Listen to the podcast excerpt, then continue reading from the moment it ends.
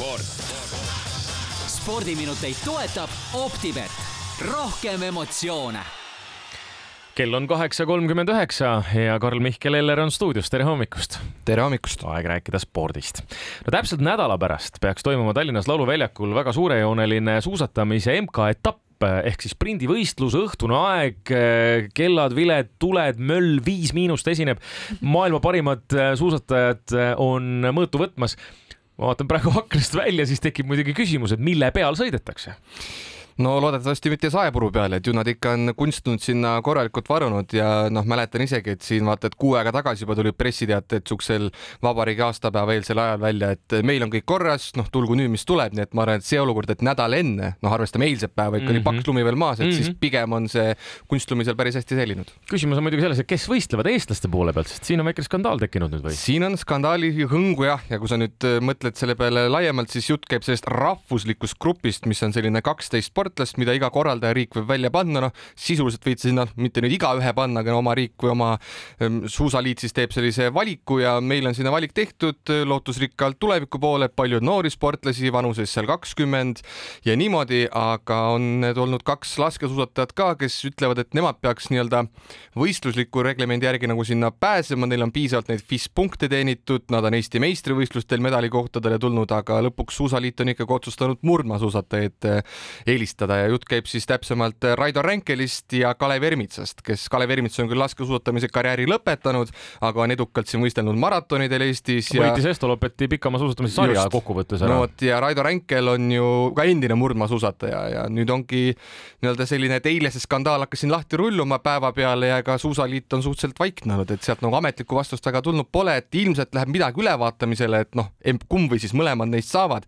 aga no seal ongi see, et kui öeldi, et eelistame noori ja vaatame lootusrikkalt Oscar tulevikku, siis üks neist sportlastest on Martin Nassar, kes on kahekümne üheksa aastane harrastussuusataja, kes peaks seal siis startima, et noh, jällegi kellelegi ei taha liiga teha, aga kui sa võtad ikkagi profisportlase, no siis tekib küsimus, et miks siis laskesuusatajad nii-öelda nurka mängitakse. muidugi küünik ütleb, et aga mis vahet seal on, norrakad niikuinii võidavad ilmselt sul on õigus, selles mõttes no, mõtlengi, et kogu selle nii-öelda skandaal, skandaali juures see ongi see võib-olla kõige imelikum, me räägime sellest rahvuslikust grupist ja need sportlased ise, Kalev Ermits ja ka Raido Ränkel on öelnud, et no me tegelikult anname endale aru, et noh, kui me kolmekümne hulka sealt saaksime, ehk siis sinna kohasõitu, et see on ju tegelikult väga suur eneseületus, et me ei räägigi nüüd sellest, et me jätame sportlase välja, kes võiks tulla seal esikolmikusse, et see oleks nagu võib-olla skandaalne, kui me räägime näiteks Norra riigist, et noh, seal on ju äh, MM-il ju jäi maratonilt välja isegi seal ju mitmekordne medalivõitja või, või õigemini kuldmedali võitja mm. Krüüger, et äh, noh, meie ikkagi sellises staadiumis veel ei ole, loodame, et jõuame.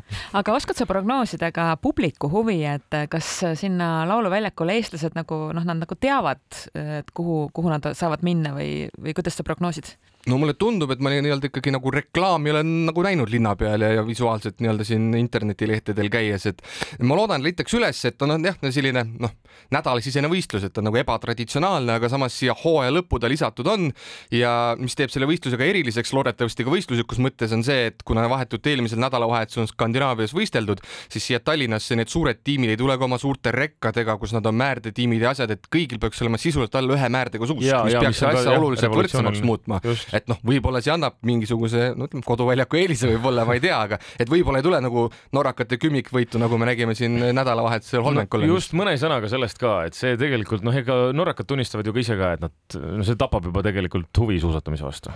ja no et see on suur probleem, noh, norralastel võib-olla alguses oli siuke eufooria, aga noh, nüüd kui mitu aastat on see käinud, siis see selgelt tõesti tapab rahvusvahelist huvi ja noh, eks kõik vaatavad ka FIS-i otsa, et mida te siis ette võtate, et kui see noh, viiekümne kilomeetri distants, et ei ole ka nüüd selline väga traditsionaalne võistlus, me ei räägi siin kümne või viieteist kilomeetri eraldi stardist sõidust. aga no Holmenkollenis oli vist äkki kas neliteist ja kuusteist norrakat ja üldse startis kolmkümmend kuus sportlast, nii et noh, ütleme see tõenäosus juba on nii suur. no Solmenkolon on ka üldse selline, ma olen siin kuulanud erinevaid podcast'e elu jooksul ja nüüdki on siin Aivar Rehemaa meenutanud, no see on selline võistlus, kus põhimõtteliselt sa oled neljakümnendal kilomeetril kuskil tagaotsas seal suurel ringil ja siis kohalikud annavad sulle juua, et kui sa oled oma joogipunkti maha unustanud, sulle antakse reaalselt puskarid sealt põhimõtteliselt lihtsalt, et tõmbaksid ennast noh, nii-öelda kettasse ja tänapäeval on öeldud, et siin tunti kanepilõhna, et noh, üritatakse igasugust asja nagu sportlasi nii-öelda rajalt välja, jutumärkides rajalt välja või vormist välja ajada, aga no see mängib ka omade vastu, et see ei ole päris ju niimoodi, et ühistardiga sõita ja kõik ja. saavad sama pahvaka nagu näkku, et et see on nagu huvitav võistlus uusi probleeme spordimaailmas, aga kas me saame ilma jalgpallita? Kindlasti mitte. nüüd siis pärast lumepausi vaatame aknast välja no, jälle. jälle kummaline, et eelmisel reedel rääkisid sa ju sellest, kuidas maapind on külmunud ja kuidas lund on liiga palju ja nüüd me vaatame aknast välja, nüüd on natuke teine pilt. no tuleb aerud kätte võtta. jah, just. et jah, et premium-liiga täna peaks edasi minema, vähemasti üks mäng on planeeritud õhtul kella kuueks ja neid aegasid vist ikkagi väga palju pole muudetud, et nädalasisesed mängud ikkagi õhtusse jäävad, tõsi, noh, päike on meil ka kell kuus on niisugune veel ei ole väga pime ja ehk väga külmaks ka ei lähe, no loodame, täna Tallinna FC Flora ja Narva Trans mängivad, aga kui me vaatame ka rahvusvahelise jalgpallimaailma, siis meistrite liiga läheb meil taas kord edasi täna ja homme ja noh, tänasest rääkides ja Optibeti koefitsienti välja tuues, siis meil on Manchester City versus Red Bull Leipzig. no seal tegelikult esimese City on favoriit. ja City on suur favoriit mm., aga see esimene mäng kas isegi mitte ainult üks-üks viik, et see oli suhteliselt tasavägine mäng mm., tõsi, mängiti Saksamaal, nüüd siis on City koduväljakul ja seal koefitsiendid sellised, et Cityl üks koma kolmkümmend üks, Leipzigil üheksa koma viis.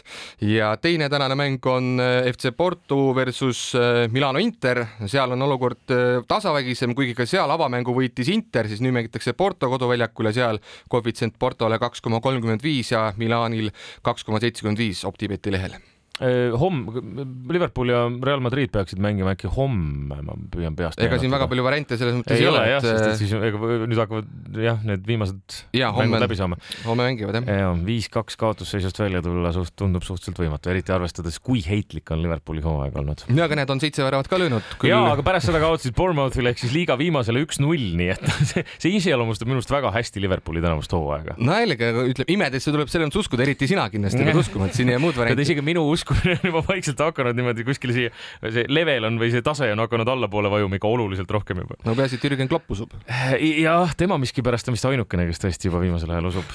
aga rääkides võib-olla teistest aladest ka korvpallist, eks ole, seal on ka Kalev Cramo jaoks olulised mängud ees. ja, oluline mäng. oluline mäng, just nimelt homme Saksamaal mängitakse Bambergiga, see on siis Euroopa FIBA Europe Cupi äh, tähtis mäng ja kodus see ju võideti kolme punktiga. no Saksamaal Kalev Cramo peaks sinna suhteliselt heas seisus minema, viimased uudised olid, et Bambergi üks mängujuhte sai vigastada. jällegi paha uudis spordis, kellelgi nagu halba õnne soovida ei saa, aga jällegi meie poolt vaadatuna ehk läheb natuke kergemaks. aga samas ka seda kodust mängu vaadates, kui Kalev ikkagi oma ära teeks ja ikkagi oma lati ületaks, siis äh, Bambergil kodus või noh, siis võõrsil võiks ikkagi ka noh, ma räägin, nad ei pea võitma, nad võivad kaotada kahe punktiga ja oleks edasi, nii et selles mõttes äh, ütleme, lootused on olemas suurepärane, nii et põnev spordinädal ootab ees, on, mida jälgida. Karl-Mihkel Eller, aitäh tulemast ja reedel taas. sport. spordiminuteid toetab Optibet, rohkem emotsioone